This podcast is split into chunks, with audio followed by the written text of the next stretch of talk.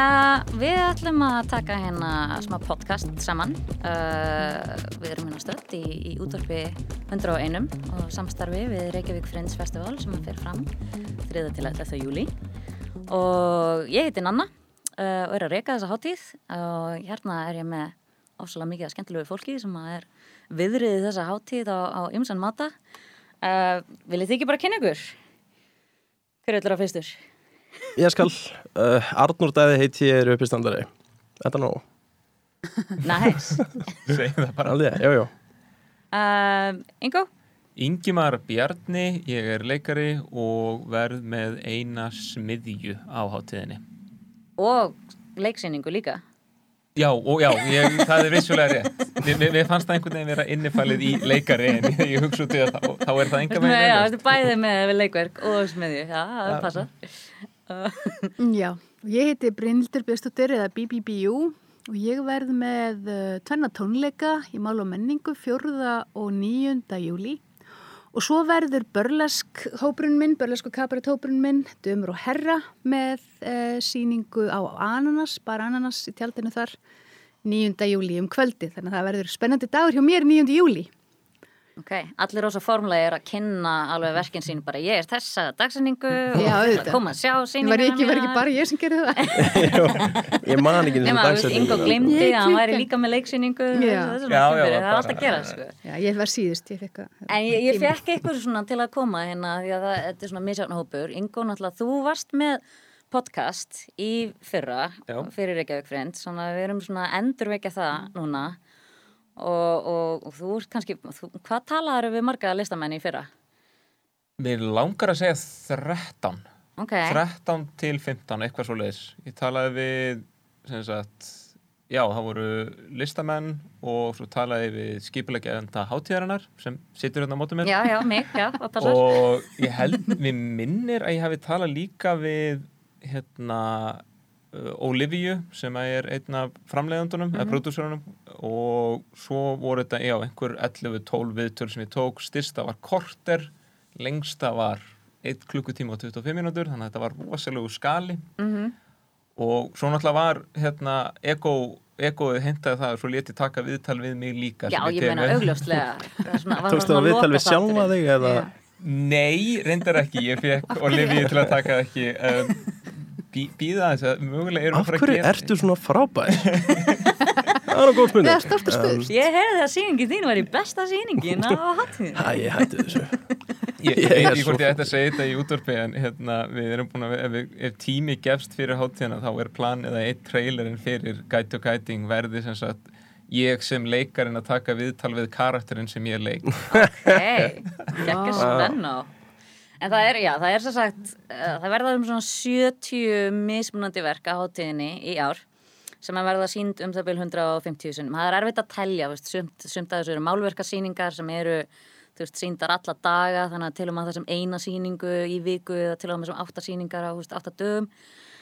Þannig að, þú veist, það er, það er rosa margt í gangi og eins og Bibi, þú varst að segja ég veit ekki hvort ég að kalla það Bibi að Brynildi fyrir eftir form hattin ég er, ég er Bibi hérna, í Friends og Cabaret er í Bibi já, Bibi já. en já, þú ert bæði þú ert bæði að hérna, syngja í málamenningu mm -hmm, mm -hmm. og, og e- eitt af tveimur aðdurum þar og svo verður opnunarpartíið okkar verður þar líka. Mm -hmm.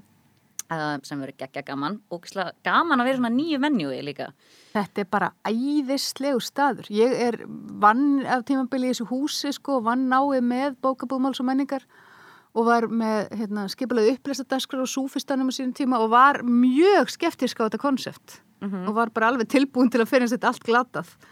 Svo kom ég hérna inn okay. og bara fjall í stafi sko. Þessi staður er æði. Þetta er, sko, þetta er einhvern veginn með svona ennþá sjarman af bókabúðinni. Þú veist að fylgta bókum að því bækur er náttúrulega besta hljóðanagrun þetta er þetta mhm. tónleikastaður. Mm -hmm og hérna og svo er, þú veist, og svo er geggja svið, flott svið æðislegur hérna flíl mm -hmm. þannig að þetta er bara svona draumur tónlistafólks að koma aðna fram fullt af plássi fyrir fullt af fólki og það er svona þessi fílingur sem að maður sakna svo á gamla Rosenberg mm -hmm. og ég kom að það einskilið, þú veist, klukkan halv þrjú á mögudeg þannig að þú veist, ég hef aldrei komið þarna þegar það er actual tónleikar, en bara vera þarna inni var nóg til að maður bara kveiknaði á miljón perum og, og svona hlýju í hjertanu sko. Ég myndi ég- búin það að er mjög spenntið við að þeir opnuðu og, og vera bara svona að telja niður dagana eða þú veist komi hana 200 manns með að koma saman eða, Mhm. eða 300 manns með að koma saman þau, voru rauninni bara að býða eftir því til þess að það væri hægt að fá okkur fólk hana inn Að þetta er svo stórt líka og sko. hérna, já, þetta er rosa stórt Já. og þreymur hæðum og þannig að ég hugsaði bara þetta er veist, frábær staður fyrir opnunarparti Já.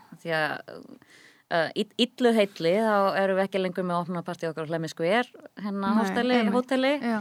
sem að þurfti að lo- loka í, í COVID Mhm. en, en ég er bara ógeðsla spennt fyrir hérna málumenningu Já, og svo var það sko dömur og herra, svo með ég til tala á eftir. En svo verður kabaretthópurum minn, hérna, börlega sko kabaretthópurum minn, verður á Baranana sem er líka nýtt venjú Mhm. og alveg ótrúlega spennandi á allt öðrum fórsendum. Já. Þú veist, því þar er bara, þú veist, bara tróðið inn. Það verður bara svona lítið tjald. Pínu lítið tjald, eða hérna tjaldið þarna sem hefur alltaf verið þarna svona sem var þarna veitingastæður og eitthvað. Pínu lítill staður, mjög sveittur Mhm. og yndislegur og hérna alls konar svona skrítni stól, þú veist, að engi tveir stólar eins, þið vitið.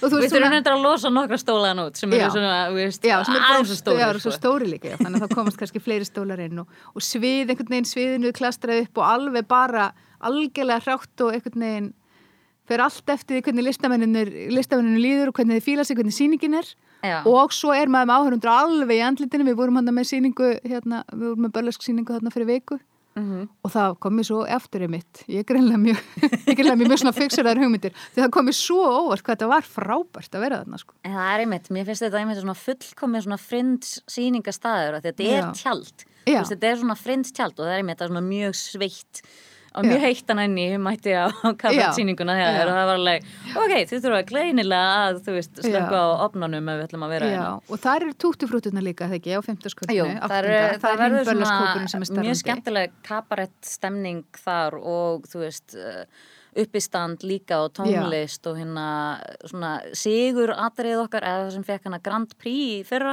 Mhm. uh, The Clown on the Fifth Floor kemur frá Svíþjóð og hún fær að koma fram uh, á, þú veist live fyrir okkur sem Já. er gaman Já. En talandi um uppistand og sveitastemningu á Arnór, þú ert að, að, að sína á Secret Cellar Jú, sem er svona ekki nýtt venju og er svona Nei, 2018 held búið að- að vera með okkur ég ætla að færa með hann í sjáu framan með þig mér skeggja skrítið að sjá ekki framan með þig því að Alla menni niður. já, ég halla með svona hinga Ok, þetta er fínt. og hérna þú, þú fegst hérna greipvæn verðlun í Já. fyrra Mikið rétt. Ég var ekki, þetta var svo skrítið þegar hún rétti mér þessi velun að því ég bara skildi ekki hvað það var. og, og hún var svona að tala og ég bjóst ekki, og mannst þetta í þá fór ég, ég, ég fekk tvö velun og var svona, ok, ég bjóst ekki við að fá neinn, þannig að ég er svona allt í lagi. Þannig að ég fór aðeins svona afsýðis, var eitthvað að tala við félaga minn bara, nei, Kemur- komdu aftur upp á svið. Já, kemur bara þjóðin hlaupandi niður bara Arnó dröllaður ég, ég stekk upp og svona er ekki að trúi svo allir að horfa á mig ég bara, "Nei, þetta er eitthvað djók hvað er í gangi? Þannig ég lapp upp og, og hanna frá greifa en er svona, þetta er þetta var svona bara, svona eins og í stríðsatrið eitthvað svona, hún er að tala við mig og ég heyri ekki neitt. Og, svona out of body experience og hún er að segja eitthvað greipvæn og eitthvað að ég sé að norðan. Það var eiginlega bara svona velun fyrir mér. Ég fór aftur út og sagði við mér bara, hvað var þetta? Og hún bara, þú vannst velunina því að þú ert að norðan eða eitthvað. Hann skildi það ekki heldur held ég. En ég las, las mér aðeins til og þetta, þetta var eiginlega magnað. Vor, vorum við búin að setja ykkur upp á heimasöðuna um hvað þetta væri? Var, var Já, ég, svona, ég minna að ég hafi googlað þetta og var, einhver, var ekki einhver önnur hljómsveit sem var nú undan mér Nei, þetta var í fyrsta skipti. Ó, í, í fyrra sko. Við ég við, við hófum svona samstarf við Greipæn í, í fyrra. Það- var alltaf gerast í þessu COVID ári svona, þetta er náttúrulega ungháttið við erum að að halda þetta í fjórðaskipti núna í ár. Þannig að það er ennþá allt mikið að breytast og við erum ennþá, við erum ekki komin í grunnskóla ennþá. Þannig að en, uh, en já, við, við vorum búin að vilja vera í samstarfi við Greipæn svo lengi að því að þú veist bara svo geggja blað og þú veist að fjalla um, þú veist, á ensku þetta er náttúrulega hátíð þar sem er mikið af sýningum á ensku eh, flest allar uh, nema þær sem eru, þú veist, ekki á neinum tungumálum eða, eða finnsku eða ítölsku eða frönsku eða eitthvað slíkt. Já, þannig og, og þau voru mjög spennta að veita svona greipan vel greipan hefur náttúrulega verið að veita svona hvað er besti veitingastæðurinn og, og þetta og hitt, þú veist, um bæinn. Og núna er Friends bara orðið eitt af því, þannig að en þú fegst alveg, hvað finnst ekki heila opnu, nei, heila síðu viðtal uh, sem- í að- ú- útprentaða blaðinu Já. og svo var líka fyrir Friends að var hann að skrifa greinar um uppistandarana. Já, var, hana- hún vissi ekki að þú myndi vinna þá að Nei, akkurat. Það var svona fyrir alla bara. Já, já, já, já, akkurat. Ég held að hún sé að gera það líka núna. Já, já, já. Og Hérna, og, og já, ég, ég hitti hennu um daginn og hún sagði að það hefði verið einu róma val. Hún bjóst ekki við því sjálf, hún bara, það var allir bara Arn og Daði, hann var bara, hann var með svona, einhvern veginn talaði til okkar að norðan. Það. Það er eina, ég er að viðkynna eitt Ég, ég er úr Garðabæði Ég náðu ykkur Náðu ykkur Nei, þú sagði líka á hann ah, Spottaði Hún náðu mér En ha- þú veist, er eitthvað, þú veist, mér langar að vita, eh, þú veist, hefur þessi hátíð gert eitthvað, þú veist, hafið þið fundið fyrir einhverjum fleiri tækifærum, þú veist, út frá hátíðinni? Já, eitt er risastórt og Ok. það kom úr þessari grein sem Ok. að uh, greifan gaf út. Það er hérna uh, uppistandsframlegandi í bandaríkunum sem langaði til að gera taka upp klukkutíma special. Ok, þetta er svona, svona daldur stór indie label í bandaríkunum nice. og við erum bara, ég var nýra á sellar rétt aðan og voru að setja allt upp. Og planið er að taka upp bara næsta 50 dag og förstu dag Ok, vá, og það kom út frá þessari grein? kom út frá þessari grein, já. Þessi Æðislegt. framlegandi var búin að sjá mig einu svona áður fyrir tveimur, þreimur árum Ok, og aðdaði mér á Facebook. Vorum ekki dýninu samskiptum bara svona þannig að þú ert bara næsti Ari Eldján og verður með Netflix special bara áður við vitum af og Já, það er aldrei að vita. Maður er nú einu svona norðan. Ég meina, það fyrir það allir. Já, Já, já, einmitt, já. En ég meina Bíbi, við hérna, þú veist, við, við sendum þig og hérna til Já. Brighton, Já. Friends líka. Það var náttúrulega æðislegt sko. Það var alveg rosalega skemmtileg upplifun að fara þangað og taka, já, fara með svona okkar, okkar efni í stærra samhengi Mm og annað samhengi. Við erum náttúrulega hópur sem er erum, erum, já, erum já gömulfriends, við stórum stopnuð þarna í, Er það? já, við vorum stopnuð bara 2018? Já, 2017 2017, Já, það eru búin að við erum verið fjóra já. og höfum verið með á hátíðinni frá upphafi bara svona, lát, láta vita því höfum verið, verið með Fringe sýningar. Classic. já, Fringe Classic, já köllum okkur alltaf daðrað af jæðrinum að því að við vorum svo spennt fyrir þessu jæðarlista hátíðar pælingum öllum en já, og við fórum sem sagt til Brighton uh, vorum fimm minni mig sem fórum og vorum með tvær klukktíma sýningar stappfullar Mhm. brjáluð stemming með bara íslensk, íslenskt börlesk og eignast alls konar vinni og aðdöndur og, hérna, nei og aðalega bara er svo, var svo svakalega gaman að prófa að vera hluti af svona stærra, stærra batteri og finna, ég hef farið sko, ég var á Edinburgh og tók þátt í Edinburgh Friends 1998 voru þau alltaf fætt þá? Nei, Ég var fætt. já, Ég veit ekki með Arnór. með rétt tæplega Já, nei, ég á fjara ára já, ok, já, já, hvað Já, já, ég sem sagt, fór þangað með leikrit þannig að ég hef verið síðan með svona, með svona frins, frins hita sko. Friends blæti Já, bara. blæti og bara Já. elska þetta, þetta þetta form af hátíð fyrir þessar tegundir að list sem sagt, þú Mhm. veist, fyrir uppistandið spunan, sirkusinn og þú veist, einleikina og allt þetta sem einhvern veginn passar ekki inn í þú veist, Kassa. passar ekki inn í, já, passar ekki inn í stóru fínu hérna, passar ekki inn í hörpu veist, eða, eða, eða samsvarandi rými og þannig er náttúrulega spratt, þetta er bara friend- friendship fyrst. Ég var ekki að nota hörpa á næsta ári. þegar maður nota bílakallaran Bílakallarinn er enda var í bílakallaran og einhverja, já, geggjaður svo mætti hann sýningstæður. já, og einhverja svona útkima. En, en með, þú veist, hvað ættum við að gera á sviðin í Eldborg? Það getur eitthvað leiðilegt, ég held að það er bara leiðilegt að vera þar. Já. Er að það vil bara vera að selja svona marga. Ég, skal pröfa að vera á sviðinni í Eldborg. Ég skal taka fórnaði fyrir hópin Já, en við vorum þannig sem, sem hluti af Nordic Friends Festival sem er náttúrulega svo skemmtilegt og sem ég finnst svo frábær kostur, eitna, mjög mörgum kostum við Reykjavík Friends, það er þetta norræna samstarf. Mhm. og þarna kynntumst við náttúrulega Friends listamennum og pródusentum frá Norðurlöndunum og vorum svona hluti af því batteri líka sem gerir það að verkum og maður er ennþá með alls konar tengingar þangað, þú veist, við hann hérna Adam á, á Stockholm Stokkhólmi, Friends já. til dæmis og, og fleiri sko. Þannig að hérna því að þetta, þannig að maður fekk að við fengum svona þessa tilfinningu fyrir því að vera hluti af hluta einhverju stærra og hluta einhverju stærra batteri og náttúrulega svo auðvitað eru frins, ég meina frindsháttir eru líka svolítið eins og ættamót, fyrst mér. Og ég held að sé svolítið þannig, þú veist, þegar maður er búin að vera á nokkrum sko, og maður tala ekki um það fólk sem hefur aðeins ferðast á milli hátíða, það verður, þá er það eitthvað neinn, þá ertu bara að hitta alltaf, ó, mástu þegar við vorum með þau voru full í færiðum, þú veist. Ekki allir svo leis Það Friends-festival í það er Færeyjum. bara, það er bara næsta skrif en hérna, nei, en þetta var, það var alveg magna við vorum í indislegu leikhúsi þar svona gömlu leikhúsi sem að var, Old Market. var, já, sem að var alveg, alveg hérna, mjög mikið æfintir að kynnast. Og svo fórum við náttúrulega líka áfyllt af sýningum og það er líka svo eðislegt og það er náttúrulega það sem er svo skemmtilegt við Friends sem maður er ekki bara sjálfur að hérna að, að, að, að maður hefur ekki tíma til að vera stressað fyrir sínum eiginsýningum að er svo upptíkin að því bara að taka inn og skoða og sjá allt sem er í gangi Já, algjörlega, það er eitthvað svona sem er langar ógislega að, þú veist, fólki sem er á Íslandi, þáttængundur, náttúrulega áhörundur líka, en þú veist, þáttængundur hafi tíma til þess að fara og sjá alla sýningarnar hjá, þú veist, hinum listamönnunum. Og eins og við veist að tala um hérna norræna samstarfið, uh, við sérst ætlum að vera með hot pot og þetta er eiginlega svona hot podcast sem ég var að segja ykkur.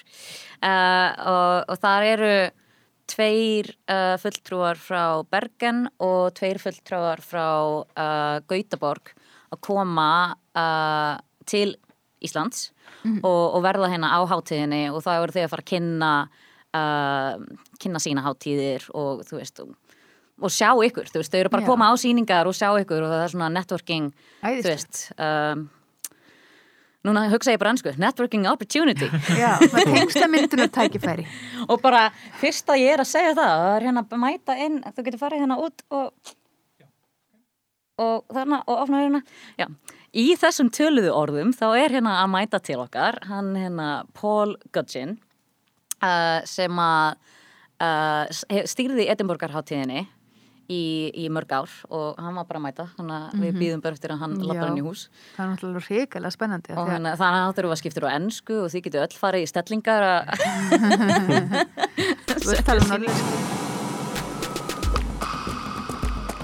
Talking about international Fringe festivals sagður eitthvað svo les Já, þannig að í þessum töluðurðum er Paul Godgin hérna mættur uh, Paul, uh, you thank you for joining us in this podcast. Uh, we're we have here uh, three Icelandic performers that are going to be performing this year and have performed before and at the Fringe, Real the, Fringe the Reykjavik Fringe, and uh, we're just gonna we'll share this mic. So, uh, but I was saying, since you were here, I felt like it was an opportune moment to get you to come in and, and say a few words and and um, you've you've kind of been to the Reykjavik Fringe before. You were here for our launch, I right? to your launch, yeah, and it must have been maybe the first or the second. It's the first one. The first one, yeah.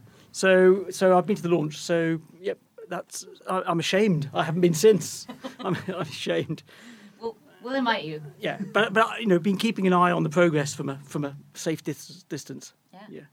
But so how long how long were you running the Edinburgh Fringe? When was that? It like doubled in in size over the time that you were there, right? Yeah, so sorry, this is ancient history, but I ran the Fringe for eight years, from um, from 1999 um, till 2007. So um, yeah, and during that time, yeah, we went from the audience when I started was um, was only 800,000, you know, and uh, uh, no, when I finished it was I one 1.6 million. So I mean, similar to Tickets. us, right? yeah, just Just about. yeah. So it was insane, but yeah. So it started big and it just got bigger, and it's got bigger still. I mean, they now sell nearly th- well. At the moment, of course, nothing. But uh, uh, uh, 2019 was about three million ticket sales. So yeah, I was actually quite happy because last year the Reykjavik Fringe was bigger than the Edinburgh Fringe. So yeah, yeah, exactly. I, I, I hope that's over all your. In fact, you're probably bigger than most of the world's fringes. yeah, exactly. Yeah. I mean, you know, 1.6 million. But we're like, well, I mean, we had our like 60 shows or something last year, and that like totally blew Edinburgh out of the water. You know, Yeah, so. I'd say almost every other nation. So, so just take every, you know, every every gong you can and make the most of it. Exactly. Yeah. I mean, that should be our like slogan this year, like bigger than Edinburgh, or also like our other slogan is like we'll let you know in two weeks because like planning planning this year has been uh, an absolute nightmare. Well, again, I'm afraid that's a slogan for festivals around the world. the moment. I'm, I'm sure if you guys have any questions for Paul, since you haven't met him before, I've had the honor of spending all of today with him on a on a masterclass workshop, which was So, so super insightful. Well, I was going to say, but you're entirely sick of the sound of my voice, so, so I'm sure you'll have. I'm to just my bra- my entire brain is just filled with so many ideas, and uh, I've already I've already claimed the name of this to be Hot Pot, uh, Hot Podcast, because uh, that came up in, in today's session. Excellent. Um, how long are you are you planning on? I mean, can we tempt you to come to the Reykjavik Fringe in, I hope so. in the My- future? Yeah, I'd love to. Uh, um, I I mean, I love it here, and uh, you know, it's great to see the Reykjavik Fringe, you know, thriving. But, uh, but uh, you know, yeah, my life is full of great events that I never managed to get to. So, um, but I've no excuse because I mean, uh, you know, when direct flights start again from Edinburgh, it's it's two hours. So, you know, it's it's it's it's quicker than the train to London. So, I You are based in Edinburgh now. just outside Edinburgh, yeah, just north. Okay. So yeah, so still there. So I have no excuse really. So just just keep nagging, and, and I'll be here. That's what I do best. yeah. I'm really good at nagging. It's part of the job description for a Finch director, I think. Oh yeah, that's good. Um, so yeah, we have Yeah, I, I just wanted to ask you, um, what would, what's your because I did a radio show on French arts or the arts that I considered sort of being part of the French uh, the French uh, criteria. But what would how would you define uh, an act that is suitable for a French, or is everything suitable for the French? Yeah, do you know? I mean, it's so interesting because it, it. I mean, I mean, it just you know, Edinburgh's been seventy plus years and it keeps evolving. And I think that's why Fringe festivals stay so relevant. Um, so when it started, it was all about theatre. Um, it went through a period in Edinburgh, maybe in the 70s, where it mainly became about political theatre. You know, it was very, very political. Um, probably from the early 80s, uh, so much of Edinburgh has been about comedy. It's become like the trade fair for comedy in the UK. You know, but it but it keeps. Um, but but you know then also it, you know uh, periods it's been about you know international work particularly maybe you know uh, uh, dance physical theatre became quite big at one point so so I think it, it, it keeps you know it does keep evolving I, I mean you know the I suppose the thing about a fringe festival, the, uh, you know, the fringe festivals which are truly open, where you don't need an invitation, um, is you know a lot of the time is about it's it's about the performances which perhaps aren't getting seen enough in in mainstream or in other places. You know, so I think that's often what to me what defines you know fringe performances is those you know those performances that are trying to break through, they've you know got something to say but have not yet maybe found that kind of mainstream, you know those kind of things. Because again, I mean, theatre is very interesting in the UK in that you know, for a long time, the fringe was about, well, partly political, but also about new writing and theatre, where there was too much theatre in the UK was not about new writing and new theatre, you know. But whereas now there's actually a lot of new writing, you know. So in a way, maybe the fringe is not quite as important for theatre now as it was 20 years ago. Um, where you know, and the same for comedy. So, so as I say, it's, it's hard to put your finger on it, but as I say, for me, it's it's it's often about those those, those art forms and the, that work which is which is maybe about to break through but still slightly struggling to break through Yeah. And then you also have comedians that are like really gotten their big break. Uh, I mean, I feel like every British comedian has gotten their big break at the Edinburgh Fringe, and they still like, but they still come back. They still just come back to sell out yeah shows to, and to pay homage yeah, Yeah. Um, but I, I mean I slightly feel that that um, you know uh, it's a little bit like sport you know that Edinburgh was the place where TV particularly came to look for the, the next new talent Mm. um, but I'm kind of beginning to get the feeling that that now they're almost looking before Edinburgh to almost the preview shows and the circuit where people you know you know so so maybe in the next few years Edinburgh will lose that sort of relevance for new comedy because Mm. other places will take it over so then Edinburgh has to find the next thing It would be a French Fringe. yeah, well, there is already. There's um, Okay. Th- there's um, for comedians particularly who find Edinburgh too expensive. There's a thing called the free fringe, where you get a free venue but you collect money on the door. So there's already a fringe fringe. Or I So mean, they come to the Reykjavik Fringe, like Arnold Daði, and get picked up from the Reykjavik Grapevine article. You, uh, Oh, yeah. yeah. So yeah, as I say, I mean that you know, if you look at the history, I mean, you know, it has you know, Edinburgh has, has kept evolving. You know, as have some of the other fringe festivals. You know, as as will happen here that that, that you know, when different kind of performers and acts you know find the fringe as the the right platform, you know, that becomes the fringe, in a way. I, I always think, so, I once remember going to Montreal and talking to the Montreal Fringe, and they were getting very angry that the wrong type of acts were coming to the Fringe. yeah, and The wrong type of acts. Yeah, well, what because it what were wasn't- the wrong type of acts? Well, like it too much Shakespeare, or yeah, well, well, and you know, not not enough serious theatre. Ah. that, that, you know, it was, it was maybe a little bit of comedy or frivolous, you know. And, and I thought that was dangerous because, in a way, You know, I mean, I always said about the Fringe. You know, I, was called director, but you don't you don't direct it. You just kind of try to cling on to its coat its tails.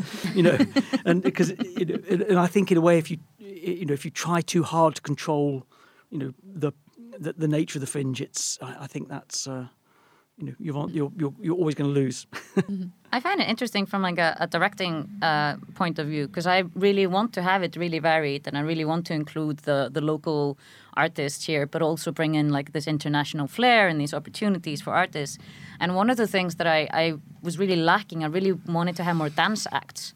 But then as soon as I started getting more dance applications, I realized like, oh, this is why this is why comedians are ruling the fringe because the comedians only need a microphone on the stage and that's it. And dancers need like four hours or six hours or 18 hours of like, you know, That's so true. Every time I fill out that form, there's like I only fill out one, and it's like, what? Asking me about a crew? Uh, One yeah, yeah. technical stuff. One mic. Jesus Christ! Just I don't need to fill out everything. But I, I mean, that, that's what we need. I mean, if, if you only have like one mic and, and your technical writer is literally, I will be standing on the stage telling jokes into a microphone. Um, I will show up like 30 seconds before I need to be on the stage. Then that's just good for us to know for planning because then we also get something like we need you know, two days of rehearsals uh, with like a grand piano on the stage and like a huge like aquarium like filled with sharks or something, and we're just like, yeah, that's not gonna, it's not gonna fly. yeah. So on that note, like, what is like the weirdest, fringiest show that you have had in Like, um, it's funny you should say that because actually, one, one of the goats, I was just trying to remember the name of it. It was an Argentinian dance company. Um, and it did involve lowering a giant, um, a, like aquarium, above the audience. Maybe the- it was the same show. And the, was- dardi- uh, the yeah, and the dancers would actually slide across it above the audience and these kind of things. So, it, well, you know, so so that was a that was a uh, uh, sorry. Yes.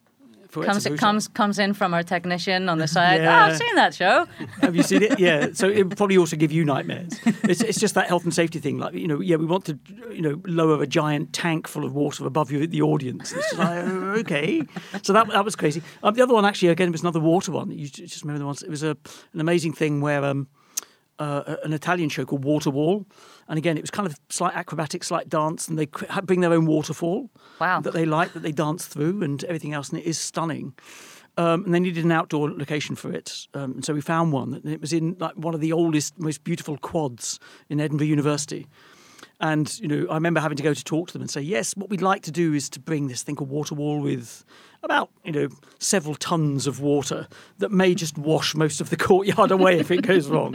so, so again, that was a you know, so yeah, we. I mean, the Fringe has had technical shows, and I, and going back to you know what you were saying, I mean, you know, and it, I think what you say is right. You know what what you what I most want would want for a fringe festival is to be that incredible platform for local talent. You know, just that that opportunity.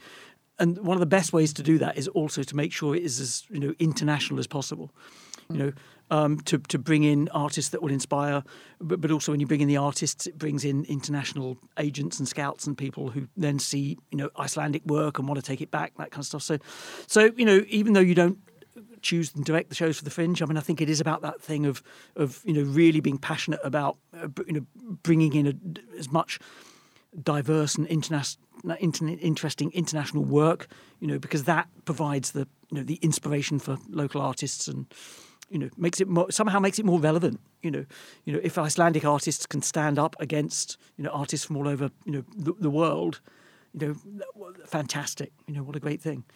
And, and, and you know, and and you will you know the the, the you know, performers you know, network very easily you know and you end up getting invitations to go to you know interesting places and you know and and, and there it begins I mean, it's all about getting those champagne glasses at like 3 a.m. and some after parties. Really, like I mean, that's what we're all striving for. yep yeah no, no totally you know and it's you know and it's great you know when you hear of yeah you know um, when you hear of those like almost na- natural collaborations that started in a bar at 1 a.m. Oh, they're they're the best ones. Yeah. It's like, oh yeah, I met this one, and then we weren't you saying like what was it? Monty Python like started from a bar, and no, it was Uh, Little Britain. Oh, Little Yeah. Britain. it was uh, yeah Matt Lucas and uh, David Williams were both having disastrous fringe shows, um, and, and met in a bar and started talking, and and you know now that they had you know a really successful TV program came out of it. yeah. It's just like oh, we have to make a TV show about this, like how horrible this all was. Like so, so I mean, I think you got it spot on. You know, it's in, in, a way that you know, a great fringe festival is one that is that, that's diverse and allowed to go off in its own direction. But I mean, does have that you know that that that, that sort of international sort of excitement. You know, but but, but also never you know it, it, you know never loses the that sort of opportunity to create a unique platform for you know for, for local artists you know particularly without invitation because you know you probably have it here we, you know the, you will always every year have one or two people when you go where the hell did they come from you know just a, a oh, single what the hell is that? yeah exactly Like- it's, you know and and and you can just sometimes feel so proud that, that you know yeah you know we were the first place that gave that complete idiot a platform you know look, look at them now you know there's, there's a real sense of pride in that i think It's like yes, we believed in you. yeah yeah I, I do you think have? Can, can I ask? Yeah. uh, do you have a particular act that came out of the Fringe during your time running it that you're like particularly proud of? Um, gosh um, um, I know, no, I'm asking you to choose between your babies, Yeah. but yeah, yeah, exactly. Yeah, he's my favorite all child. like seven hundred thousand of them or something. Um, got no, no, um, some some strange. Sorry, not some strange. I, I, one, I mean, he's just now uber famous. And I remember it was an Australian comedian who came over called Tim Minchin. Ah, You know Tim Minchin. heard of him? Yeah, yeah. You know, and when he came to Edinburgh, I- okay, he's kind of known in Australia, but not known at all in, in Edinburgh. And, and actually, he spent a lot of time in our office because he one of the few people he knew in Edinburgh was somebody who worked at the Fringe. So Tim Minchin used to kind of hang around the office, you know, even when it was busy, you know. And and and he started performing, and you just knew within a few days that that, you know that he that, you know, first few audiences not great. Suddenly, word gets out, catches fire huge at the fringe you know then you know it just goes up and up and up you know national tours writes matilda you know hugely famous so i mean he's you know the classic fringe example. But also i mean i like the fact that the national theatre of scotland quite a big deal but but you know the, in a way they were it was a newly formed national theatre um, and they did this show um, in a, an old drill hall um, called Blackwatch um, about young guys who go to Iraq, um, you know, from the Scottish regiment, and it just uh, caught fire, you know. And so, in a way, that show really Literally or well, no, actually, well, exploded literally, but, but um, you know that show absolutely set the tone for the National Theatre of Scotland. You know what I mean? It was just like instantly, you know, yet they've got a voice, they've got something to say, and it's unique. So I, I you know, I think that was um, that was a good one. Well, was Um, it wasn't the National Theatre of Scotland a touring company, like touring theatre? it It's doesn't not have a home. Yeah, it doesn't, have, a house. Yeah, Yeah, so- so they, they perform in lots of places. So, and as, but I say it was great that Black Watch was such an early success. You know, and it, because it's as I say you just suddenly thought, yeah, the national th- th- there is a there's been a lot of debate. Do we need a national theatre? You know, and actually after that you kind of go, yeah, I think you know it can do a good job. And then I suppose the last one, I just those really strange uh, moments, which again are important. They did one of the first kind of big performances of Jerry Springer, the opera oh yeah. in Edinburgh. And I was there the night Jerry Springer came to watch it. and, and, you know, half of you, this eye is watching the show, going, this show is amazing and outrageous. And this eye is watching Jerry Springer to see what on earth he made of it. So, so again, you know, it's those kind of happenings that you just think, in, in a way, can you know, almost only happen at a fringe festival. That you get this Jerry Springer, the opera, and Jerry Springer in the audience. And, um, you know, so, so as I say, you know, it's just that, you know, anything. Anything could ha- could happen. It's all these like weird, you know, thing. I went there and I was like, "Ooh, where, where?" Like I knew that David Hasselhoff was having a show, so I was like always waiting to bump into David Hasselhoff on and, the and street, it was a and it never car happened. crash. But, It was a dreadful show. It's just like awful, but people still loved it. but I mean, I was like, I still just want to see him. Like, it's just like, ah. And and what's it? Danny Minogue doing Macbeth in uh, the Botanical Gardens in Edinburgh also Wow. was like the most complete car crash of a show, but but unmissable. So and again, you know, that's sometimes what a fringe festival can get to. These, you know, I mean, and the, the ancient history of the fringe, you know, amazing. Um, you know, where they did a show on this island near Edinburgh called Inchcombe Island. Um, it was it was a Shakespeare, but basically it was too long. Um, so the guy who did the ferry was sounding the horn. so that you know, and apparently they were still like trying to perform the show while they Everyone's were all running to the, stranded ferry. and these things. So you know, it's moments like that that are just you know uh, they become priceless, don't they? Those are the small fires you have to put out. Yeah. Now, I know you have to run because you have an important football game to watch. Incredibly important occasion. England Yeah. versus Scotland. Exactly. Wow. Yeah, exactly. So I'm gonna let you uh, leave and thank you for coming, and, and we'll keep on chatting and and and you know take in all these wise words that you've given us. Well, no, it's a pleasure. You know, it's it, you know, it's it, yeah. It, I mean, it's such a pleasure being you know being here. It's just love love it, love Iceland, love Reykjavik, and you know, and it's and it's great to see the fringe. You know, um, you know, bedding in and you know becoming everything it will you know grow to be. I'm sure. We'll see what happens. I'll nag you to come another year. Yeah, yeah. No, I'll be here. I promise. Okay, thank you. Great. Nice Thanks. to see you all. Bye.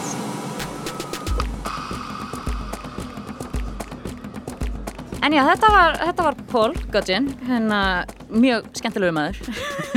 Já. þetta er svona maður sem ég tala við að endalaust. Hann er auðvitað með svo mikið af sögum um eitthvað svona, þú veist, já, svo var Tim Minchin alltaf bara að hanga á skrifstofunni hjá okkur og Man, man langar eiginlega að læsa hann inn í herbyrgi með upptökubúna í 6 klukkutíma og bara sjá hvað kemur út. þetta er svona, ah, ok, endalausar sögur. En eru þið með einhverjar, þú veist, eru þið með einhverjar skemmtilegar sögur sem að hafa, veist, komið upp á, Reykjavík Friends, við erum náttúrulega bara búin að vera í þrjú ár, en það er búið að vera COVID og það er búið að vera alls konar, eitthvað, engin? Ég, ég á, ég, þú, Nei, ég, ég, er svona, er, að- ég er að hugsa um. byrja þú allan ég, ég, ég á eina, eina svona sett, það er, uh, ég náttúrulega skrifaði einleikin Guide to Guiding sem var ætlaður fyrir túrista og fólki í ferðarþjónustum. Þetta byrjaði ég að skrifa 2019 og svo gerðist COVID, þannig að 2020 var þetta ekki alveg jafn góð hugmynd. En gekk ágætlega á fólkin og það er smá hluti af sýninguna sem ég er að, hérna, er að gera grína miðspöndi tegundum að leðsöman, þar með tala í jeppaköllum. Og eftir sýninguna eina þeirra þá svona, kemur að mér þessi fremur stórvaksni uh, síðuskeggjaði hérna, strákunan og bara aldrei við okkur held ég og segir hvernig er nú að hitta persónu úr leikritinu þínu? Og ég er náttúrulega alveg bara svona maður er í vímu eftir sýningun ja, Bara flýnt? hva, hva, hvaða, hvaða persónu? Já, ég, ég er jeppakallum, svo, svo var hann geggjað vinalegur eftir þetta ég var hann í einhverja tvætir og sekundur ok, er hann, er hann að fara að ráðast á mér Þetta hljómar eins og hótun Þú eru lappar upp það eitthvað Það er svona, svona djúbrattaður einmitt og, og eitthvað. Já, Um, Já, ég, á, sko, ég á eina sögu sem er frá Edinburgh Friends þegar ég fór þangað. Má ég segja hana? Já, algjörlega. Hún er sjúklega, finnst hún sjúklega skemmtileg. Það er náttúrulega eins og hann var að segja hann, hérna, Pól. maður, Pól, takk. Áðan að það er náttúrulega svakalega fjölmend, sko. Og náttúrulega valið inn á hátíðina. Og ég fór hérna með litlum íslensku leikhóp, við vorum fimm, sem sagt, og höfðum unnið fyrir því að fara á hátíðina með því að vera, sem sagt, vikingar og fjörukráni. Þá erum við vorum við í svona búningum, vikingabúningum, trommum og sungum og vorum svona syngjandi þjónar og eitthvað og þannig sem stundum við okkur inn fyrir, fyrir því bara, við, bara söfnum penning til að komast á hátíðina og svo komum við á hátíðina náttúrulega og fáum pressupakka og fáum svona attendanspakka og það er rosalega mikið af pökkum og pappirum og alls konar og það er meðalans dagskrá það Dagskráin er stendur- bara eins og símaskrá, Já, sko. nákvæmlega, já. Og, og dagskrá fyrir performor og það stendur sem sagt skrúðganga.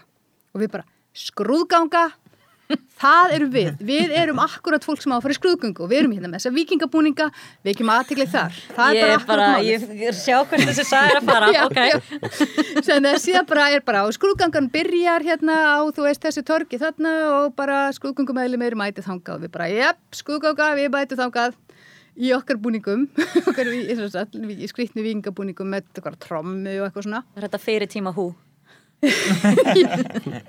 Já, þetta var fyrir tíma hú, en Ok. okay. vá hvað við hefðum átt að gera það. Við, nú, við kannski byggum við til húi þarna, ég veit ekki, kemur senna. En allavega þá hérna, svo bara er þarna komið og það er, það er bara svona fullt af bílum. Og allt, þú veist, einhvern veginn fullt af bílum og svo bara einhverju svona fimmleika flokkar í röðum og við bara, já, rosalega skipulaðir. Fór, þú veist, einhvern veginn. Og við bara, svo bara bætum við okkur í þessa, í þessa skrúðgöngu og svo bara fer skrúðgöngun á stað og allir svona býtu, hvaða atrið eru þið? Og við bara, við erum Ísland, við erum hérna. og já, ok og eigið eigi þið að vera hér? Og sérstaklega fólki sem voru í einhverjum bíl við vorum milli tvekja bíla og þeir eru bara eigið þið að vera hér? Og við bara, já, já, við bara erum hér. Hva, hvað er mál með það? Síðan svo sett hefst skrúðgangan. Eða skrúð, skrúðaksturinn það sem við erum bara einhvern veginn eins og einhverju maurar hann á milli sem milli þessara bíla eitthvað að flippa og vera skemmtileg. Og hérna og það eru sér sagt og þetta er sko það, það, það eru lýsendur, veist, þetta er svo rosalega stór viðbyrður þessi skrúðganga, það eru sko, þú veist, það er bara bein lýsing, þú veist, bara þarna kemur, þú veist, þessi vagn og á honum eru, þú veist, þetta er þetta og svo kom Þannig er eitthvað fólk. og þannig er eitthvað fólk. Og við veitum nú ekki alveg hvaða hóp hvaða, hvaða hópur, skráu skráu blöðum hvaða hóp, já nei ekkert. Nema hvað, að þetta var mesta orkutripp sem ég hef farið á á æfinni við gerðsamlega bara það voru, og það voru sko miljónir manna sem stóðu hverju meginn að horfa á svo skrúðgöngu. Og við dönsuðum hann um einhverja tvo kílómetra, alveg brjáluð og orkan svo geggjuð. Og það voru svona, svona áhörund að sitt hverju meginn við göttuna og skúli Gautason hinn í sniglabandunni og leikari sem var með okkur hann fóðstundu bara og stilti sér upp. Og múurinn ærðist og klappaði og klappaði. Og hann bara, þú veist, og svo neyðan sig. Og við, við sungum og sungum, heyrðist náttúrulega ekki í okkur skiljið bara og þetta var svona tveggja kílómetra brjáluð hamingja og brjála flikk og svo náttúrulega þegar skuðgöngunni lauk þá kom einhver til okkur og segi þið, þið áttu náttúrulega ekki að vera þarna, þið vitið það Þið bara, ég meina þetta er bara friends, ég meina Já, maður mætir af því að við, ég meni við erum bara. Íslendingar, maður mætir í skrúðgöngu en þá var þetta sko eitthvað sem fólk var búið að vera skipilegja mánuðum saman og Ah. sækja sérstaklega um og skreita bílana sína og, og þú veist, og vera og pa- panta stað í röðinni og það skipti eitthvað rosa miklu máli hvar þú varst í röðinni Já, þess vegna ok. var fólki sem voru eftir okkur sem er bara, "Ei, ég sé þið mér ekki Þetta er svo íslenskt að virðið ekki reglur ráðarinnar. já, Bara mæta. Mæta bara að fara í röðina. En ég smá meina bil það- hann á milli, þetta trúða mér Já. enn. Friends byrjaði samt svona, ég meina fyrsta hérna Friends-háttiðin sem að var haldin í Edinborg, þetta var að því að ég veit ekki hvort að þið þekki endilega uppbrunnan en það var búin til International Edinburgh uh, Festival, ekki Friends Festival bara Edinburgh Festival sem að var eitthvað svona til að samina Evrópu eftir, þú veist, stríðsárin þetta er árið 1947 og, og hellingur af einhverjum veist, listamönnum og leikflokkum og eitthvað bóðið að koma að vera með í þessari hátíð og svo voru komum átta leikflokkum sem var ekkert bóðið að vera með og þau ákvaði bara samt að vera með. Já, sem að þú veist, Gera bara nákvæmlega saman og þú gerðir, þú veist, þau bara eitthvað heyrðu, við ætlum bara samt að sína sýningarna okkar og Já. þau síndu bara okkur um bar og kaffihúsi og þú veist, klósati eða eitthvað, ég veit ekki Já. En, en þá var einhver sem skrifaði í blöðin bara, er svo aðteklisvægt að sjá hvað er að gerast á jæðurinum eða, veist, Mhm. it's interesting to see what's happening on the fringe. Og það, þú veist, festist og svo komu, þú veist, það voru átta hana fyrsta árið, svo voru tíu og fimmtán næsta ár og svo stækkaði og stækkaði og á einhverjum tímapunkti var gert eitthvað svona uh, þú veist, fóruður eitthvað að, að vera með eitthvað utan að mynda eitthvað batteri og, veist, og það er, þú veist, frinshátiðin í dag. Þannig að ég held að þið hafi bara verið alveg við vorum alveg, við vorum alveg rétt. Það er náttúrulega ef líka einhver var eitthvað að rífa kæft það er bara, herru, við erum bara að gera þetta eins og maður á að gera the þetta. spirit of the French. Okkur var það- ekkert boðið, en það er náttúrulega það sem að er svo geggjað við Fringe finnst mér. Og það er kannski það, þess að það dregur einmitt þessi fátækaleikúsið, ok, við við sleppum hérna fiskabúrnu og fossunum sem hann var að tala um þá er það einmitt, þú veist, þetta einhvern veginn hérna, þú veist, eitt mikrofón eða þú veist, og maður reynir að vera með litla leikmynd og maður reynir að vera með lítið vesen og maður reynir að vera, þú veist, að flakka, geta flakkað á milli fljótt og svona. Og þetta tekur þetta tekur svona hvað var að segja yfirleitt þegar þú ferði í leikús þá pantar þú miða með lungum fyrirvara. Ég meina, fólk má alveg panta sem miða á þessa Já, já. sýninga með löngum Já, fyrir já, ég ætla ekki að banna fólki já, það. já, en það er svona hvað maður segja þetta tekur einhvern ákveðin hátileika og yfirborðsmennsku á leikúsinu fyrst mér. Og þá er ég að minna þá þegar ég segi leikús þá er ég að sjálfsög að tala um uppistandsbuna þú veist, mm. drag og börlesk og, og þess, þessa tegund af sviðskemtun þetta, og eftir stendur einhver svona rá einlægni og, og, og, og beintenging og það er það sem er geggjaðast við frins, finnst mér. Þegar maður fer bara og maður er einhvern veginn, þú veist, og þess vegna eiga allir listform eins og börlesku drag og uppistand svo vel heima þarna að því maður einhvern veginn færi þessu og, og einleikinni líka sem leikar er aðleitn á sviðinu því þú færið eitthvað svona bara beint í æð og það er ekki, það er engin hljómsveit að greifa milli þín og, og þess sem er að gerast, veist, það er bara og maður er oft bara, veist, á sama leveli þú veist, ef þetta er, þú veist, í bara ananas eða, þú veist, við erum á, á þú veist, mörgum, við erum á nýju stöðum eða tíu stöðum, það fer eftir hvernig maður flokkar þetta uh, þú veist, eitt atrið tíundi staðarinn er sérst Hótel Leifur Eiríksson af því að það er að koma hérna breskur veggjakrótari uh, vegglistamæður uh, og hann er að fara að spreyja þú veist, uh, nýtt bara veglistaverk utan á Hotel Leif Eriksson ég veit ekki hvort að það tellir sem sýningastæður þú veist, það er bara svona á gödum Reykjavíkur Það er mjög. og það er, þú veist, partur af hátíðinni þannig að þú veist, það er sýning og það er bara maður sem er að, að spreyja á veggin og eitthvað. Og og þú ert, þú veist, já, þú ert, þú veist, þú getur talað við hann á meðan og, og þú- ert, það er ekki, já, það er ekki þessi, uh, þetta distans á milliðin, það er engin hljómsveit að grifja Já, sem það, er, það, það, er, ekki fjórði veggur og það er ekki einu sinni sko fjóra tjald, það er bara það er ekki einu sinni þröskuldur það er bara, þú, þú bara með einhvern veginn með blóður á ferfarum með einhvern veginn, bara slær byrjar að slá í takt við þann sem er á sviðinu. Það er það er eitthvað svo magnað Hefur eitthvað, þú veist, hafið þið orðið vör við eitthvað, ég veit ekki hvort það kom fyrir eitthvað persónlega, þú veist, hefur eitthvað svona nýtt samstarf uh, komið upp úr frá síðustu hátíðum eða, Já, ég, ég hérna eða sambönd líka, uh, ég veit að það er einhver svoleiði sem hafa komið upp. Ég, ég á búin að svona hálf gleyma ég, ég var í Gautaborg Friends 2018 Og hálf gleyma því, þú bara ekki, ekki muna ég gerði bara einhvern veginn ekki tengjum ég vissi að ég væri í Svíþjóð með Ok. uppistand og svo bara einhvern veginn, þetta var Friends. Þú vissir að varst í Svíþjóð, það er góð. ég, var held ég. En hérna ég var að hita upp fyrir félag minn Aron Serabi Mhm. sem að var hérna já og við fórum á einn open mic og uppistand sinna í Gautaborg er bara nokkuð góð. Þannig að já við öllum hverju á Facebook og svona, svona búin að lendi í nokkur sinnum að einhver félag minn er að fara til Gautaborg og ég er svona hei þekki einn hérna einn hérna sem er open mic. Þannig að svona fullt af svona dæm og maður tekur eftir hvað þetta er lítill heimur. Þegar maður byrjar að flakka eitthvað á milli og kynast fólki. Já, sér líka á Facebook að þú átt kannski eitt félag í New York annan í Belgíu og svo í Danmörku og, og þetta er allir bara allir vinnir á Facebook það er okkur gott að nýta sér þetta einmitt og þú veist, þú kannski hittir þá hérna fólki sem er að stýra Gautaborg sem er að koma að hinga og þau hafa kannski séð þig á sviði, það mögulega.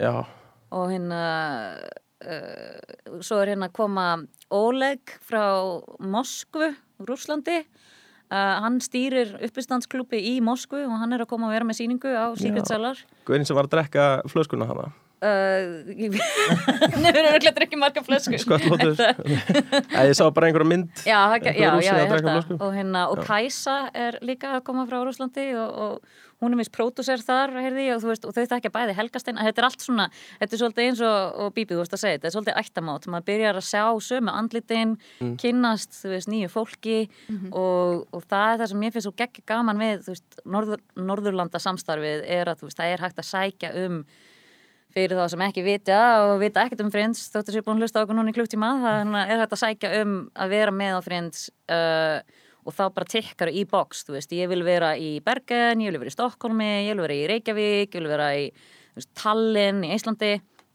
og, og fara á alla þessum mismjöndi hátíðir og þá er maður alltaf að sjá sama fólki aftur og aftur, að það er allir búin að fara í gegna sama umsóknarferlið. Og, og það er rosa spennandi og ég, ég til dæmis að fara á ef það verða haldnar, maður veit ekki alveg hvað gerist í ár en, en það er planan að fara á Oslo, Bergen, Göteborg og Stokkólm í uh, haust. Og það eru allar bara viku eftir hver annari þannig að er að svona túra þær allar í röð í reynu. Er það eitthvað svona sem að þið er eitthvað ykkar á leiðinni á fleiri frindsháttir í ár eða voru þið hrættum að það er ekkert? Sem að það var náttúrulega rosa óljást allt í byrjun árs hvort að ferðalög mættu eiga sér stað og svona? Já, ekki í ár allan sko. en mér langar rosa til Edimorg mm á nokkra félag þar akkurat en svo líka já, já, eins og háls árs gamla stelpu. Þannig að svona, ég er, er ekkert að plana mikið eitthvað að fara. Ekki alveg strax allan Ingo, þú Ég, veist eitthvað ég, ég, ég, ég læt mig hérna, ég, hérna bara nautum hérna, að að talin væri líka hluta þessu. Kærastunni eistnesku eitthvað, þetta er góð afsökun til Já, að fara að þanga hérna uh, mín, mín draumaháttíð er að fara á, sem er reyndar ekki hluti af þessu networki en það er að fara á hérna uh, Volt Friends Festival í hérna London sem er hérna Friends háttíð sem ég fór á tvisar held ég þegar ég bjó í London. Og er haldin í sagt, undir einni Undirgöngum. stærstu lestarstöð í London Telst hún vera frins hátíð? Hún, ja, hún, er á, hún er á mörkunum og þeir hafa verið með Frins hátíð þetta er þetta mjög frinsleg hátíð sko, en, en, en þau kalla sig ekki, þau heita bara The Volts Festival Já. síðast þegar ég tjekkaði, en Já. ég, ég þekki hátíðina, ég, ég komið þar fram sjálf, þannig já, já, já. Ég, hérna, ég var á einhvers staðar sem var við hlýðin á einni einn af lestarlínunum sem voru í gangi þannig á svona fimm mínúnda fresti þá þurfti þurfti hérna, leikarinn að taka sér dramatíska pásu og svona horfa reyðilega það passaði mér vel við sýninguna og hérna, horfa reyðilega á hljóðið og svo held hann áfram. Þetta gekk svona í klukkutíma stanslöst það er mjög hrátt svæði, ég, ég, ég var með tvisasunum tekið þátt í þeirri hátíð og alveg þegar hún var að byrja sko og var glæni og ógeðslega spennandi hérna sýningastæður einmitt svona já í undirgöngum rosalega mikið að graffíti hérna fyrir utan og hún er búin að stækka mjög mikið. Ég fór aftur sem áhórandi bara hitti fyrra og þá var þetta orðið svolítið mikið meira batteri en hérna já það er hérna er mikill raki og uh, miklað loft þannig að það var svona aðal vandamáli okkar þegar við vorum að, æfa. Þetta var svona gekk að þú ert með klukkutíma sýningu að sína hana og svo hleypir maður út og fær sér færst loft. En ef þú varst hana í tæknirensli og æfa eitthvað um daginn þá var þetta alveg bara hú, ok hérna, við þurfum að, uh, þú veist uh, fer ekki vel með, öndunarkerfið. En, en ég vonaði að séu búin að lagfæra það svolítið en kannski ekki en það er bara en það er svona, hvað Já, af því þú veist að tala um hérna samstarf og eignast vini og kynast fólki og svona. Þá er ég núna í svona fjögra kvenna hópi já, sem að eru einhvern veginn hóaði sér saman sem er að koma fram í, á þessari hátti núna. já, ég sé það, það er mjög spennandi. Já, það er nefnilega mjög gaman og þá var hérna synguna, kabaretsönguna sem heitir Stephanie Rummel sem er með hérna mjög spennandi svona franska, hún verður með svona franska söngva og hún er þýsk að hérna, chansons. Já, þýsk að syngja, að syngja franska söngu, hún er þýsk og finnst hún vera ég held að hljóta vera því það er verður í mál og menningu Já, verður einmitt í mála menningu og hérna með Vigni Þór Stefanssoni píanleikara og svo eru tvær leikunur sem við erum svona, við erum svona kvartett sem erum svona að plugga okkur saman. Önnur þeirra heitir Valerie David og hún er með rosa spennandi og flottan einleik sem heitir Pink Hulk. Hún er búin að segrast á krabba menni fjórum sinnum sannsöguleg síning já, og þetta er bara hvernig finnur ofurheituna innra með þér sko. Og svo er hún, er með hérna verður í tjarnabíu og ætlar að vera með hérna svona bjóð upp á spjall eftir á já, sem ég held að sé svarað. Já, svona spurt og svarað, mér finnst hún mjög spennandi. Og svo hefur Massi sem að verður með síningu sem heitir Hedy og hún verður líka í Tjarnabíó sem að verður um Hedy Lamar sem var náttúrulega stórkoslega merkileg kona sem að var sko Hollywood kynntá Mhm. En bjóð til hérna fjarskiptakerfið sem við, Sem við notum í stólum, já, sem við stólum allt, á alltaf hérna. hún verður í Tjarnabíó líka 5. júli og ég held að, ég held að Pink Hulk verður líka hennar sama dag já, það verða Þannig- báðar á mánudeginu Já. og svo eru það aftur að sína það er báðar með Já. tvær síningar Já, ég held að sé Heddy 10. og 11. staði Heddy sýningin sko, talandi um samstarf Mhm. hún verður í Tjarnabíó klukkan 6 en svo Mhm. sýning verður líka í streymi til uh, hátíðar sem er í Suður Afríku Ok, vá. Þannig að það er sagt, uh, international, núna manni ekki nafnið á hátíðinni, þannig ég er ekki að plugga þetta vel uh, en það er International Arts Festival í, í Suður Afríku og það sem hafa búið að bjóðin að koma fram með þessa sýningu en hún kemst ekki út af COVID og ferðalögum og við stöllu þannig að hún bara stakk upp að því og, og við hefum búin að vera í einhvern svona samtali um það að við ætlum að streyma sagt, live til Suður Afríku, vonum að internetsambandið gangi, gangi upp. Og hún ætla líka að vera með svona spurt að svara eftir á það sem að vonandi Suður Afrískir áhörundur geta verið að spyrja okkur uh, eftir á Já. spurninga uh, um, um það. Það er National Arts Festival heitir Nation, hún. já. Þetta, er, nefnilega- þetta fannst mér eitthvað svo æðislegt og þetta er eitthvað sem að gerist á Friends þú veist, það er bara einhvern veginn ég held að það hafi verið Stephanie sem hugsaði bara ok, ég ætla ekki að fara að gera bara alein einhverja flæjar og eitthvað plaggot og eitthvað bla. Þú veist, ég ætla bara, ég ætla bara í fleiri. Já, og þú veist, og þetta er svona, þú veist, við erum fjóra konu við eigum þetta sameigilegt það er þekkjast líka sko Stefani og Nei, ekki Stef, hérna Valeri og, og- og, hérna Heather. Það er komað að báða frá bandaríkjunum. Og þær eru búin að fara saman á eða, það er ekki, ekki saman en það hafa verið á fjórum held í frendsháttiðum Einmitt. Já, hist, áður og- já, og og, og, byrjað að spjalla og svona kynst Já. í gegnum það og svo eru það í einhverju svona kvenna grúpu, strong women performer grúpu Aha, já. og það kynntust það í stefni þannig að mér, mér svo geggja líka að það hafi tengst við þig og það er þetta, þetta er svona orðið svona starra batteri og svo veit maður ekkert hvert það mun fara sko. Já, það er allavega bara gaman að sko, þetta er eitt af því sem að gerist á hátíð sem að tekur sig ekki of hátíðlega skiljið, þú veist, þá er bara fólk þá þarf, þarftu bara að redda þér og þú þarftu býr þú þarf, getur ekki að setja og beðið eftir því að eitthvað plöggið þig, þú Já. bara gjörur svolítið gera það sjálf eða sjálfur, sko. Það er líka svona svolítið það sem að, þú veist, ég er að vona með þess að ég ætla, er leikona sjálf og ætlaði mér aldrei að stopna einhverja hátíð og það bara gerðist að því að mér vantaði svið og ég er eitthvað, heyri, það er bara frábært, það eru örugglega fleiri sem hafa gagnað þessu líka. Og hérna, og það er, þú veist, og, en svo er ég búin að læra með, veist, eftir því sem að hátíðin hefur verið í gangi, er að þetta er svo gott tækifæri til að kenna listamönnum að koma sér á framfæri. Veist, þetta er svolítið svona, ok, þú þarft að retta þér þínum eigin, hérna, þú veist, plaggutum og þínum eigin myndum og þú þarft að senda út fréttatilkynningar á, þú veist, miðla og fara í podcast viðtöl og þú veist, maður þarf svolítið að, að plugga sér sjálfur af því að þegar það er ekki hátíð, þá þarfst að geta gert þetta líka. Þú veist, og það er ekki, þú veist, að gegja þetta sé alltaf gerast á meðan frends er, en mér finnst líka gegja þegar maður sér sýningar sem að eiga sér líf eftir frends og eru, þú veist, að ferðast um heiminn eða, þú veist, Arnór er að fara að taka upp eitthvað, þú veist, special þú veist, uh, veist sýningu og, þú veist, er gaman að sjá það, lifa áfram.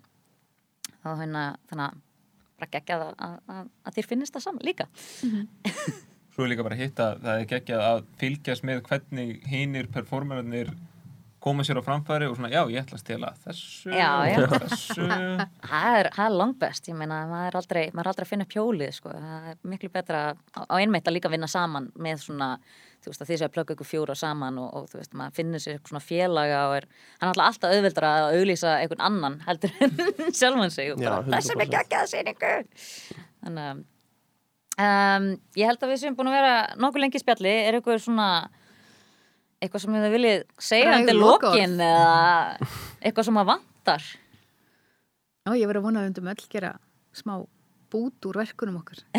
Það var þig Ég er svo spennt að heyra hvað þið eru að gera. Er Arnór það ekki búin að vera að reyta sér brendarinn?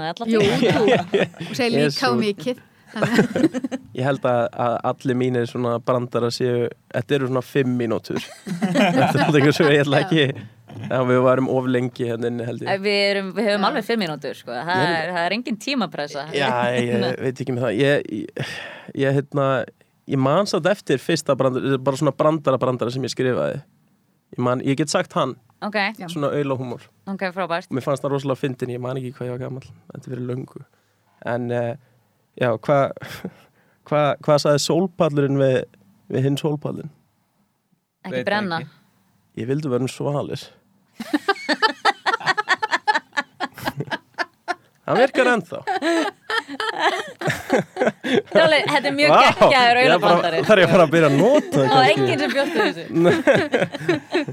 Ok, En ég reyndar hérna Mauricio var með, og hann var að hita upp fyrir þig jú, í fyrra. hann en hann er með sína fyrstu sólusýningu núna já, já, ég er rosalega spenntur. Það verður rosa gaman að sjá hann. Ertu, er- heldur hann sér tilbúin?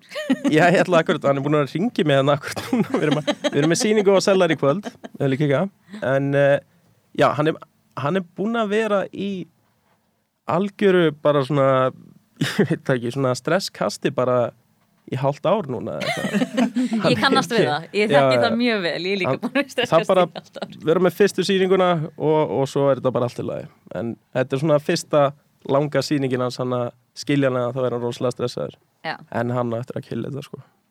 Það er einmitt, þú veist, það eru margir sem eru með þú veist, það er svo spennandi. Ég er svo spennt að sjá hvað er að fara að vera á sviði þú veist, það er enginn búin að fara í leikhús, líku við, í ár bara frá því að síðustu frins við náðum að halda hann í fyrra og svo bara lokaði allt bara viku setna og þú veist, ég er bara að vona þú veist, þeir sem er að hlusta á þetta eða það er einhver ennþá að hlusta á okkur hérna tala saman að bara kaupa ykkur miða og styðja við allt þetta listafólk sem að er með síningar, þú veist, það eru 70 síningar, allt frá, þú veist, uppistandi yfir í leikús, yfir í söng, yfir í dans, yfir í kabaretta, yfir í sirkus, yfir í málverkarsíningar og námskeið og bara name it og, og það væri svo geggjað að bara fylla alla síningastæði og þú veist, halda brjálapasti að því hver veit, þú veist, kannski verður bara lokað eftir fyrir setna, þannig að þetta er Já, bara og kannski sjáu þið bara næsta Daniel Minskin. eða Já, Tim Minchin Tim Minskin, eða það, já.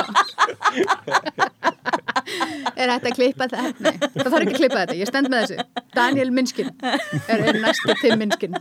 Það er, Ég meina, ég meina, maður veit aldrei það er, þú veist, margir að gera ég veit að hérna Saint Edgar Já. uh, sem hefur verið í, í kabarettsennunni uh, hérna, og, þú veist, hann kom flutti til Íslands frá Svíþjóð er samt íslenskur og bara rétt eftir að hann flutti þá kom COVID þannig að hann hefur ekkert geta verið meðnett mikið. En hann er að fara að vera með sína fyrstu uh, klukkutíma síningu líka og verður einn á sviði í Tjarnabíó Já, vá. sem er bara, þú veist, risa eða, þú veist, 200 mann sem að geta komið og keft sér með það. Og hann er bara með eina sýningu og hún er á ammælistæðin hans og maður er bara, ó, ég lakka svo til og ég bara, þannig að ég er bara svona hvet fólk til þess að kynna sér það sem er í bóði og það er hægt að finna það allt á ervafkfringe.is uh, reykjavíkfrinds.is og það er dagskráin og það er hægt að hlaða niður appi sem að heitir uh, Skedd sem að eru fyrstu fimm stafinir í schedule það er að telja þetta C-H-E-D já, fyrstu fimm stafinir í schedule og, og það er hægt að sjá dagskrana bara á appi í símónum sínum og, og, og fylgjast með Getum að raða saman sinni einni dagskrá. þú getur að saman þinn dæmis- einin dagskrá Til dæmis það er hægt að- 9. júli, þú getið komið að sé mig í Mál og menningu klukkan 6 förstu dagi 9. júli og svo getið komið að sé mig aftur klukkan hálf 10 á ananas með börlesk, börlesk sexi hópnum mínum dömur og herra. Aha. Þetta getið þið gert inn á skemmt. og hvernig er þetta að sjá þig, uh, Ingo? Já, ég ætlaði að segja, í millitíðinni getið þið hlaupið niður á aðalstrætti 2 og séð gætu gæting klukkan 7 á, það er á mánudeginum, föstudeginum og laugadeginum. Ég man ekki mánudagstningar, en ég er alltaf klukkan 7 á aðalstrætti 2 með gætu gæting. Já, það verður nýja svona frinds miðstöðun okkar í ár sem er spennandi. Við þurfum að, að fylla hana af plöndum og sófum og einhverju í næstu viku. Arnór, mannstu þínar dagsinningar? Ég var, ég var, vá, um leið og hún byrjaði að segja þetta og var svona, ó nei, "Ah, klukkan hvað er ég, var að ég?" þetta og ég, ég er á mánudeginum, er það sjötti, Það er 50. ég er 5. júli, fyrsta sýningi mín á Sigurd Sellar, það er aldrei seint mann ég, er Já, ég, ég held að það sé eitthvað svona miðnættusýning sko. Þannig að það er allir, að koma allir á hana, það er allt annað búið sko.